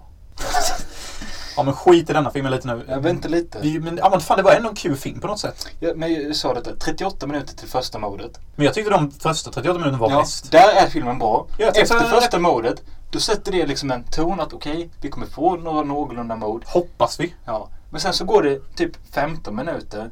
Och då blir Ryan Phillips karaktär jagad av en bil. Men han dör inte, han blir bara jagad av en bil. Mm. Riktigt. Alltså, Han tror det är Leonard. ja, Och som han tror om allting. Ja. Han är liksom besatt av Leonard. Men sen, jag kan bara komma på att det är bara ett mord till, typ en timme in eller något. Ja, och det modet är asfattigt för de filmar uttryck och vapnet Ja. men inget blod. Nej. Och jag måste ha mitt blod. Alltså jag måste ha det. Alltså filmen är ju... De, folk säger att det är en slasher men alltså... Det är ju lite en slasher. Jo det är ju lite en slasher men... Den är betydligt mer en thriller än en skräckfilm. Det är den sjukaste slangen jag har hört. Du bara, det är ingen slasher. Ja, men, Det är mer en skräckfilm. Eller vad fan sa Jag du sa så, det är mer en thriller än en skräckfilm. Det är en thriller som har några slasher-element i sig. Jag menar, är inte det, är inte det alla slashes är egentligen? Men alla slashers är ju en skräckfilm. Ja. Nu förstår jag. Men ja, men. Det är en slasher för fan. Jo, men det är ju... Per se, kan Alltså, vi kolla säga. här. Det är ett mord som är bra. Sen är det typ inga mer mord. Mördaren i en jävla fiskedräkt. Det är tråkigt. Ja, det är inte, det är inte stylish. Han, han påminner om någonting man hade kunnat sett i en Giallo-film om kostymansvarig inte hade stilsmak. Ja. Ja. Hård jävla Och diss. den här finalen som är på en båt. Jag är hur fattig som helst. Det är skittråkigt. Han bara flyger upp i någon jävla rep och sen ramlar han i vattnet och that's that. Jag trodde han skulle flyga in i motorbåten och typ strimla sönder eller någonting. Och sen det här då. Efter detta så är det ju någon jävla... Man vet inte om det är på riktigt Alltså eller- jag såg inte färdigt sista. Alltså, Alltså därefter stängde jag av typ. Efter den final scenen på Ja, för jag var så jävla besviken redan då. Så nu tänkte jag att nu skiter jag i de två sista minuterna. Nej Jag men det, vet du vad det är då? Jo, jag såg färdigt. Ja. För det, var- det var det jag la med. Hon skuppade ju omkring med handduken. Ja. Det är också någonting filmen är väldigt noga med. Att, så att hennes patta är i bilden. Nej, inte bara hennes patta. Ta Sarah. Hon har inte mycket bröst. Men hon har mycket bröst i denna filmen. Det är någonting regissören har lagt märke till. Men det är ju ingenting som är full frontal nudity. Nej, nej, nej. Det är bara liksom... Men det är det jag tycker är fint med filmen. Ja, för att alla bröst är jättefina och pekar uppåt och rakt ut. Det är så här typ... Det är så här perfekta bröst all the way. Och som jag sa nyss, Sarah har inte tits. Alltså hon har ju typ inte det, men i denna filmen har hon det. Och det är liksom vision, eller vad fan man säger. Ja. Jo, efter de här finalscenen på båten. Så är det ju några extra minuter på slutet. Ja, när hon springer runt i- Ett år senare. Ja, hon som är- springer runt i något jävla badhus. Ja, tit. och det är ju riktigt kast. Tycker du det? Tyckte ändå var rätt mysigt. Så här. Hon springer runt där med handduken och är lite snygg och så. Ja, men själva slutpunchen, att han flyger genom rutan mot... Ja, min buffring Jaha. laggade ihop precis innan de sekunderna. Jaha. Men jag fick ljudet. Men jag vet inte vad som hände. Nej, men han flyger in och attackerar henne. Men grejen är att jag vet, ja, det finns en uppföljare men Är tvåan värd att se? jag har sett den. Sarah är med i den va? Jag har sett tvåan fler gånger än ettan. Men är tvåan bra då? Sarah dör väl i första? Ja, men det var ju första scenen va? Jag Men vet alltså, inte. jag, jag snackar om att hon dör väl i första filmen? Fan, vad ja men det är just det jag menar. Morden är så jävla ografiska. Så man vet Alltså de, inte. säg de här fyra huvudkaraktärerna. Ja. Så är det ju bara Mr Aggressiv och Kolla här. Buffy som Du dör. var ju Mr Spoilers nyss och nu säger du att alla karaktärer dör. Okej, sorry. Men jag förstår. Men alltså dog hon? Alltså för det, vi såg ju inte henne dö. Det är det jag menar. De här morden är inte tillräckligt grafiska. Det är ju svårt att veta om karaktärer dör ibland. dör tvåan. Den här filmen är skriven av Kevin Williamson som skrev Scream. Han hade ett bra jävla 90-tal. Han gjorde först Scream, sen denna, sen Scream 2, sen I know what you did last summer 2 typ. Och sen Scream 3. Mm. Ibland så bara kommer man och träffar rätt. Mm, men det jag säger är att Scream är så betydligt mycket bättre än vad det här är. Mm. Ja. Allting Nej. är bättre. Morden är bättre. Ungdomarna är bättre. Dialogen är bättre.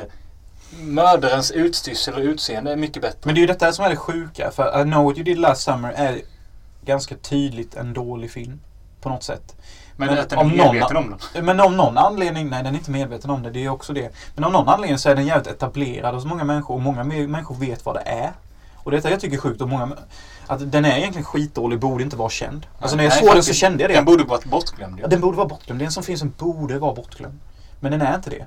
Jag känner mig nästan mer underhållen av denna än Scream 1.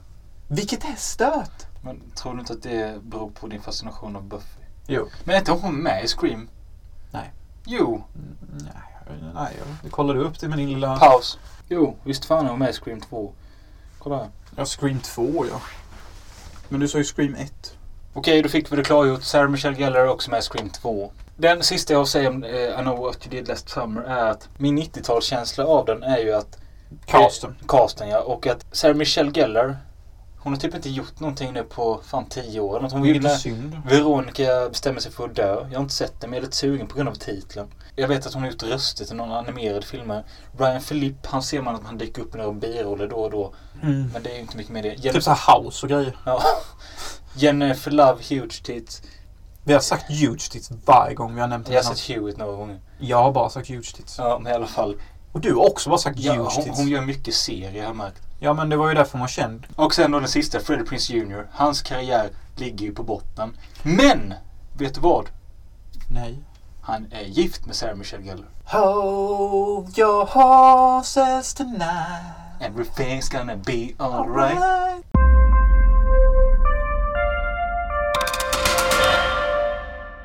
Om jag säger Onur Turkel.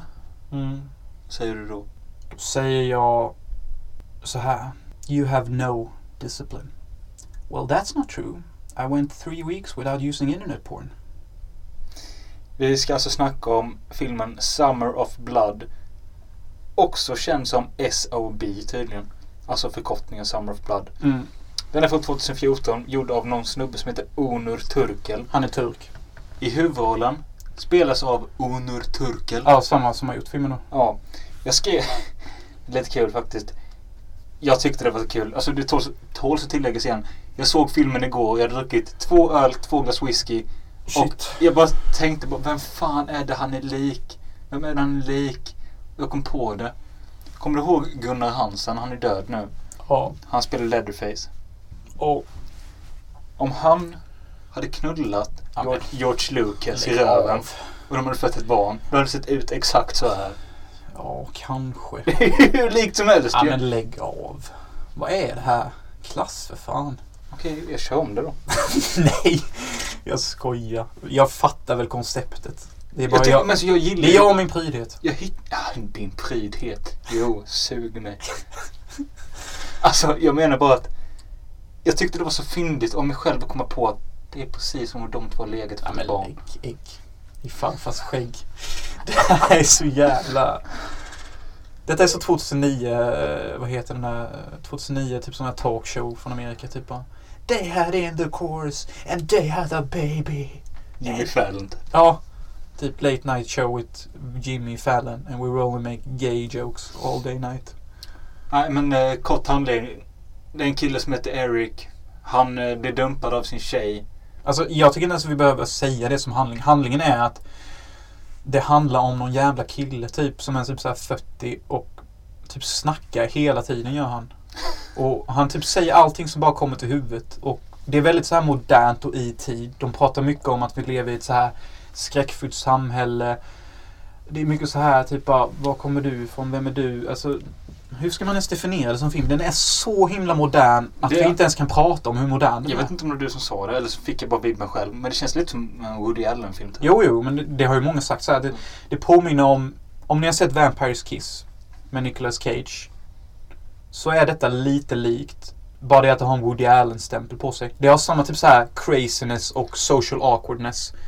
Fast med en Woody Allen-touch och att det är mer modernt. För egentligen så följer vi bara en kille som börjar dejta massa tjejer. Och vi får följa hans liv på hans arbetsplats och sådana grejer. Och han säger de mest konstiga grejer på ett sånt naturligt sätt som möjligt. Alltså, eh, filmen, jag måste bara säga detta. Filmen börjar då med att han blir dumpad efter det börjar han dejta. Och det är liksom en dejt med en tjej, en dejt med en annan tjej. Och efter det hade varit så två eller tre dejter. Då kände jag att filmen kan fortsätta i två timmar så här för jag tycker att det är så kul. Precis, för han pratar hela tiden och han har så väldigt naturligt bara We live in a constant place of fear. I mean, it doesn't matter if you take your kid to the playground or if you take her on the airport. We're constantly afraid of everything. Det är en typ sån här dialog hela tiden. Och så slänger han in lite så här, typ bara Typ det är någon scen när han pratar med sin tajta arbetskollega. Ja, han, är, han är kåt på sin arbetskollega. Han går och runkar i smyg. Ja men han är ju sån här sjuk jävel också. Han smyger in såna här sjuka grejer. Men så typ bara Och så typ säger arbetskollegan bara I didn't know you I, I didn't think you were sexually active. I thought you were like non-sexual. Och han bara Hey I have three STDs. That's how sexually active I am. Och det är alltså där könssjukdomar tre könssjukdomar. Ja, och hon bara Okej. Men han förklarar som I'm sorry, I, don't have any. Och sen, ja, det, det, sånt kör han med hela tiden. Han säger något konstigt. Och sen direkt efter i samma tonläge säger han bara Hey man, I was just joking. You know, I, I talk a lot. I don't care. Alltså, jag vet, du, du har ju sett no- några dagar innan mig. Mm. Och jag såg den igår halvfull. Du skrev så här bara prepare to laugh typ. Men det är ju skitrolig hela Och tiden. grejen var att jag skrattade inte högt ut. Men jag, alltså, jag satt med ett leende på läpparna. Alltså jag märkte mig själv att helvete vad glad jag är nu. Ja, jag sa ju det. Men min favoritscen är ju när han pratar med sin chef innan han blir avskedad. Och han har verkligen Alltså jag har aldrig varit med om någon som har så mycket svar på tal på allting. För han säger typ så här typ bara Do you know that you come in late every day? I like to stand out. Och så det han sa bara You have no discipline. Och då säger han det bara Hey man, that's not true. I once went three weeks without using internet porn. Och jag bara That's discipline. För jag klarar mig fan inte längre än två dagar innan jag slår upp internet porn typ.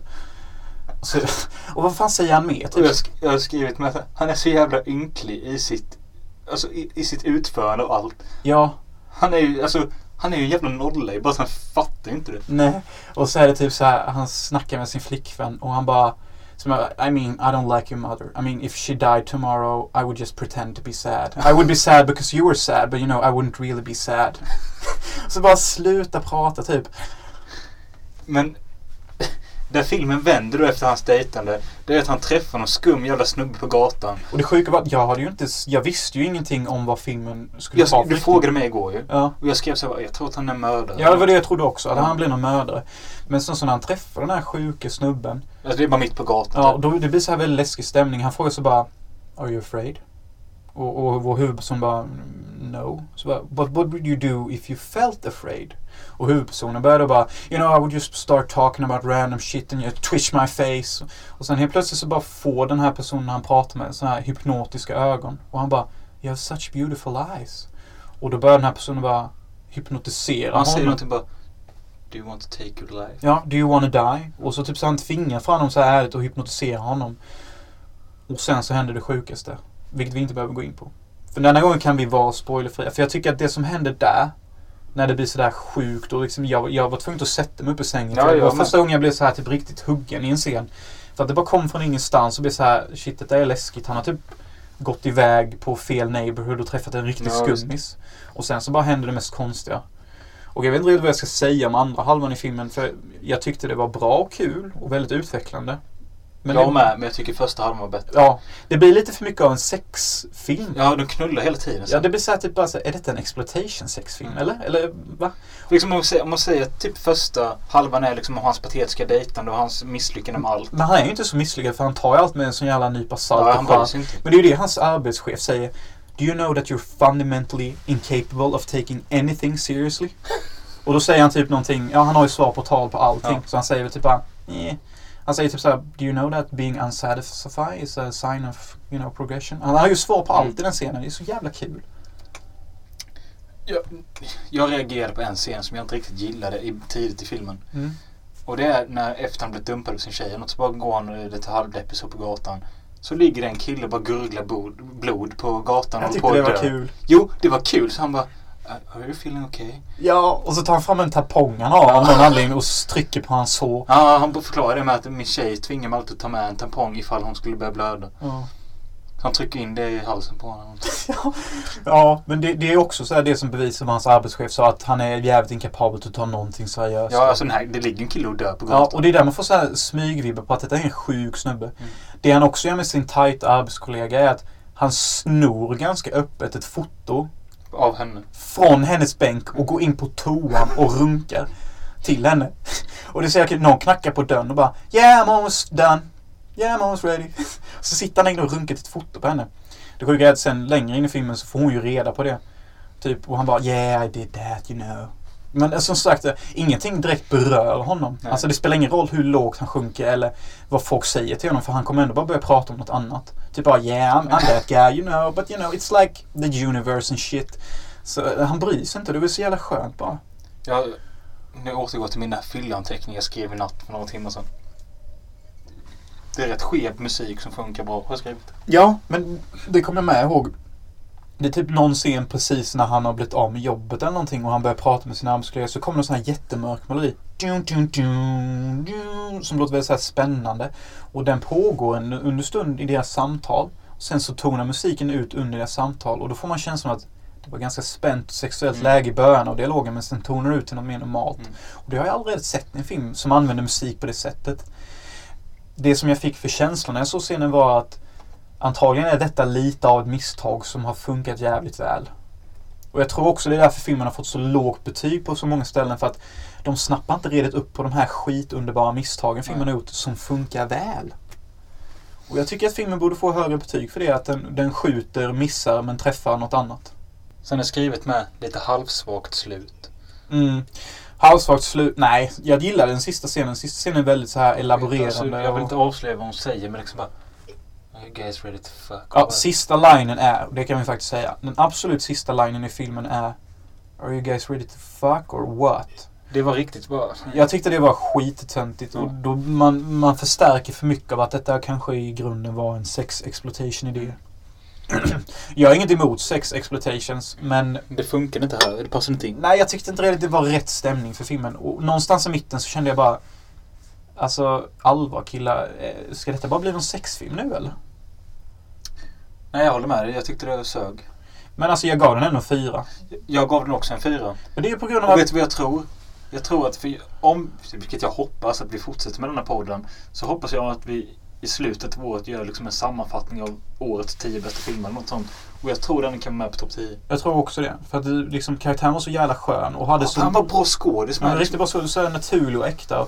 Och som vanligt så hade han svar på allt. Vilket var Och helt har man sett en huvudkaraktär som ser ut så här, man får ju inte se sådana karaktärer. Han ser ju jävligt Nej, och det sjuka var, det var så kul när han berättade om sina resor. Typ bara, jag blir till och med rädd när jag ser en, en, en turkisk kille med en resväska på en flygplats trots att jag är en turkisk kille själv och har en resväska på en flygplats ibland.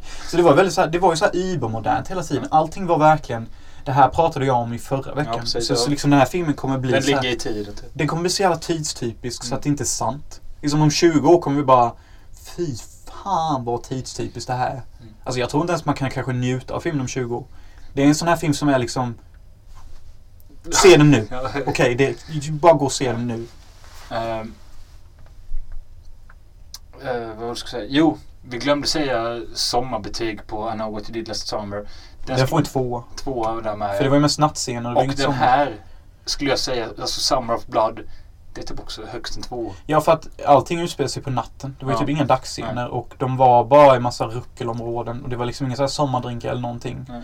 Man fick lite sommarkänsla för att alla var ändå så här löst klädda på Ja. natten. Så då får den en tvåa på grund av det. Jag rekommenderar den. Ja, jag med. Definitivt. Alltså, gillar ni lite twisted humor och vill bara ha liksom lite Woody Allen-dialog men som är mörkare och lite så här roligare och mer snuskig. Fan, då är detta filmen för er definitivt. Jag tänkte på en sak under hela filmens gång. Om detta beror på att jag var lite påverkad eller inte, det vet jag inte. Men jag tänkte under hela filmen. Varför såg jag inte den här tillsammans med Jonas? Jag, det är så perfekt film för mig och han att se lite halvfulla. Snälla, snälla, snälla. Ja, det var ju gulligt.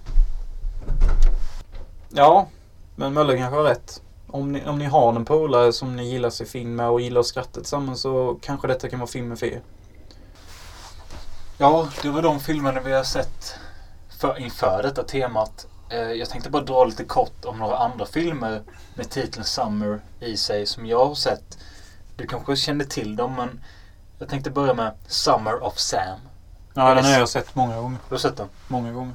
Okej, nej för jag kollade nämligen in din filmtips och du hade inte betygsatt. Nej, men det är en av de filmerna som... Den går alltid så här typ på SVT2. Så här typ klockan halv tre på natten. Och av någon anledning då har jag varit vaken många tillfällen genom mitt liv och sett den. Och jag tycker inte den är bra. Alltså, jag har inte så mycket att säga om det mer än att jag hade förväntat mig så mycket mer. Jag tänkte liksom bara det är en het sommar och det är liksom en mördare eh, som härjar i en stad på 70-talet. David Bentrowski. Det är den mördaren som eh, fick... Nej, vad heter han? Berkowitz tror jag. Ja, Berkowitz. Dave Berkowitz. Det är den seriemördaren som vi alla känner till som eh, fick sina morduppdrag från grannens hund. Ja, just det. Han säger att hunden talar till. Ja, precis. Den hunden har oftast eh, tolkats som en hund. En svart hund med röda ögon. Den hunden är också väldigt närvarande i den här filmen jag har satt en femma på. Den tecknade filmen, vad fan heter den? Where the devil... Where the dead go to die. Då har vi också en hund med röda ögon som pratar med en liten unge. Och han säger åt den ungen till att mörda sina föräldrar eller någonting för att bröstmjölken som matar hans bror är satans saft. Where the dead go to die är också en väldigt obskyr film. Ja, men du tyckte den var riktigt Jag tyckte det, Where the dead go to die var en skitbra film. Alltså verkligen, jag gav den en fem av fem och mm, jag vet inte vad jag kan säga om den. Den är ju så här Jag vill inte säga skitskit. någonting om det. Eh, jag har en titel till som jag vet att du har kikat lite på. Den heter Wet Hot American Summer. Yes. Och som jag försökte förklara innan till Möller så finns det en viss typ av attityd som jag är allergisk mot. Och jag tror Wet American Hot Summer oj, Wet Hot American Summer. har just den attityden. Det är någonting när det blir för soft och allting ska fångas perfekt i hur soft och nice allt är och hur somrigt det är och hur unga vi är. Det går lite emot vad jag sa innan med att man ska kapitalisera på sitt perfekta utseende. Men när jag säger det då menar jag att man ska vara väldigt seriös med det. Och med den här attityden jag ogillar så är det nog att de tar det lite för lätt på att vara i den perfekta åldern. Och då blir jag lite så här allergisk för att ge det tre år till och då kommer inte ni kunna behålla samma attityd som ni har. Kul att du säger det för att denna filmen är från 2001. 2015 så gjorde de uppföljare fast i serie. Som heter Wet Hot American Summer. Heter den också fast det är en tv-serie. Alla, nästan alla karaktärer som är med i denna är med i serien också. Bara att denna gången, ja de, de, är, de kör ju samma roller. Bara att de introducerar ju nya unga med. Mm. Varför det var kul att säga med ålder. Det är lite kul för det känns lite random. Det känns väldigt random att ta en film som 795 personer har betygsatt på filmtipset. Det är inte mycket. Är inte mycket va? Nej, så gör man en Netflix-serie utav det. Hey man. Ibland måste man chansa. Mm, Jag har gett filmen en trea men alltså Den har sina guldklimpar när den är riktigt eh, vet du, underhållande. Men, Men så, den kanske vinner i sommarkänsla. Den har mest sommarkänsla av alla filmer vi har nämnt. Det har den nästan 5 av För 5. det kan jag ju nog tänka mig att ge den. Att den har väldigt bra sommarkänsla. Eh, men sen så, det är just det här med att ehm, jag förstår inte vilken genre det är. Alltså är det pubertal humor? Är det smart humor? Är det en dramakomedi? Är det mörk komedi? Det är väl allting. Ja, så den har allt det här. Det liksom, den skevar iväg åt olika håll hela För tiden. det var väl... Jag såg, Helt plötsligt, alltså, de sitter och röker på. Det är en kul stämning. Det har vi sett, för den utspelar sig 1981. Eh, Men det är det jag inte gillar heller. Nej, när man kör throwbacks. Eh, Ja, men jag gillar inte det. För Nej, jag vill att filmerna de, de ska vara i den tiden de är gjorda. Jag tycker inte om när man gör så här typ en film. För så här blir det. Om vi, om vi lever i vår tid och gör en film på 80-talet, om 80-talet. Då blir det ändå en film om vår tid. Alltså det spelar ingen roll hur vi än mycket vrider och vänder på det. Det kommer ändå kännas 2015 även fast filmen utspelar sig Ja, 1980. ja, Det var som den här X-Men Apocalypse så. Den utspelar sig också på 80-talet. okej. Och det enda anledningen till att jag kan känna att den utspelar sig på det årtiondet, det är på kläderna. Allt annat är 2016. okej. Och det är samma sak med den här filmen. Den är väldigt 2001. Men den utspelar sig 81. Ja. Men jag gillar det här med, med att eh, det... Alltså det var skådisar som precis hade... Alltså det var typ första gången man såg de här skådisarna. Alltså kanske inte riktigt Är men inte Phoebes boyfriend med? Paul Rudd som Just är med det. i Friends. Han har en, en roll. Vi har eh, Amy Powler som är någon jävla... Hur gammalt det känns att säga. Amy Powler. Nej, men Phoebes boyfriend. Alltså vänner Ja. slutade för tio år sedan. Ja, 12 år sedan. Ja. Amy Powler, Bradley Cooper som är rätt känd nu. De har Elizabeth Banks. Som också... Kommer du ihåg det här dåliga skämtet jag alltid hade om Elizabeth Banks? Nej. I would like to bang her. Är det ett skämt? Ja, men jag, jag tror jag sa någonting, I would like to bank her. Ja, det är ju ännu värre. Usch, nu blir det dålig stämning i garderoben. Well, that's what he said before he went out. Nu blir det ännu sämre. Uh, ja. Har vi gått igenom alla filmer eller? ja, det var sommarens 12 månader. Ja, det var alla sommarfilmer för den här veckan. eh, Och vad fan kan vi säga? Men det var det inte alltså, för vi har ju en till. Ja, och nu har vi en liten bonusfilm. Sommarens 12 månader. Alltså bonusfilm för att den inte heter Summer. Ja, precis. Men den utspelar sig ändå under sommaren. Eller gör den? Ooh. Det är en riktigt skev film. Riktigt skev film. Ja, jag- Tåls att tilläggas, det är inte en svensk film. Ja, det är en svensk film och Ica-Stig har huvudrollen. Och det tycker jag är det roligaste med den här filmen, för han är faktiskt en rätt bra skådis. Och det handlar så här om att det finns ett område i Sverige där det är sommar året runt. Ja. Och de har anlitat Ica-Stig och hans crew till att bygga där under en längre period. För att se hur de tacklar att det är sommar året runt. Är det så? Är det ett experiment? Eller ska de, de, det är så att de ska få ett års... Nej. De ska få tio årslöner för ett års jobb eller något Ja, precis. Men det är ju för att testa hur de hanterar att det är sommar året om. Ja. Nu kommer vi nästan lite långt in i filmen. Men i alla fall, det är det som är filmen. Och så är det liksom Ica-Stig och hans crew och de bygger där i ett något konstigt sommarområde. Och det är väldigt så skevt och drömskt och det påminner om en... eh, Man fattar ju inte riktigt om det är på riktigt eller... Vad heter den här filmen? Stalker och han var eh, Solaris. Vad heter den regissören? sett. Tarkovsky. Det påminner om en Tarkovsky-film. Fast svensk. Jag tycker nästan det säger allt. Men vad fan, Ike-Stig är med i den. Ge den en chans om ni gillar att se lite svenskt udda. Den är typ riktigt bra på något sätt. Den, fast, Jag tyckte den var riktigt bra men alltså det är ju... Den är typ nästan obehaglig för att den är så konstig. ja, och den utspelar sig i den här sommarmiljön och, och alla blir konstiga långsamt. Och, och det handlar någonting om att det går inte att det är sommar 12 månader året om. För att liksom sommar handlar om liv och pånyttfödelse och vi kan inte ha det jämt och ständigt för att då fuckas ekohjulet upp. Typ. Ja, det är något sånt. Sevärd film. Mm.